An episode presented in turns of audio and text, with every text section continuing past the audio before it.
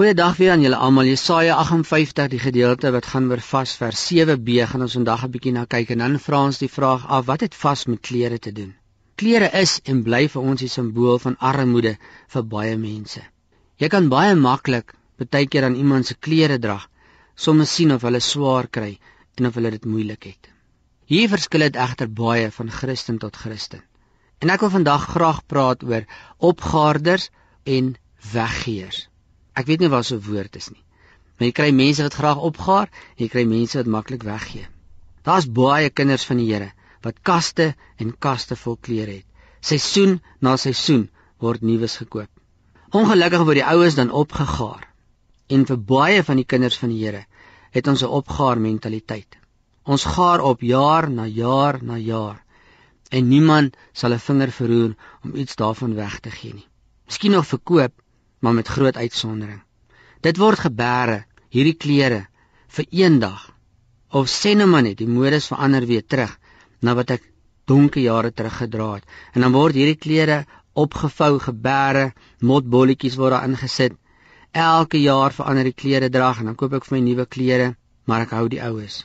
Ek dink nie God wil hê dat jy vandag moet skuldig voel oor wat in jou klerekas hang of wat netjies weggepak is nie. Die vraag ek dink wat vanmôre na my en jou toe kom, of is daar iewers iemand op aarde wat iets dra wat jy glad nie meer dra of gaan dra nie? Ek dink dis die vraag wat jy vir jouself vandag moet vra. God is net nie beïndruk met klerekaste vol klere en met 'n ingesteldheid dat daar mense is wat koud en skaamig gekleed rondloop waarvan ek en jy weet en ons doen net niks daaraan nie. En dis presies wat hy in Jesaja 58 sê. Hy is net nie beïndruk met hierdie ouens se vas, maar intussen kyk hulle by mense verby wat skamel geklee is of wat nie klere het om aan te trek nie. Dan moet tog iewers in jou omgewing iemand of 'n organisasie wees wat vir jou sal sê: "Geen net vir ons van jou ou klere, geen net ons van jou ou skoene. Ons sal dit versprei." Want dit wat vir jou oud is en dit wat jy nie meer dra nie, is vir baie mense wanneer hulle dit ontvang, 'n antwoord op gebed.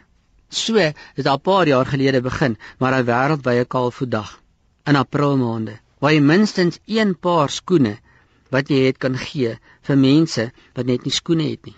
En dan word daai skoene versprei na gemeenskappe toe waar mense nie skoene het nie. So is daar van tyd tot tyd ook oproepe na klere en kos. Raak betrokke en gee wat jy kan gee.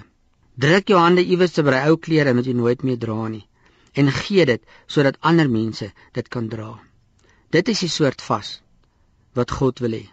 Dit is vir hom goed en reg dat ek en jy vanuit die oorvloed wat ons het, moet uitdeel aan ander wat nie klere het om te dra nie, wat nie skoene aan hulle voete het nie.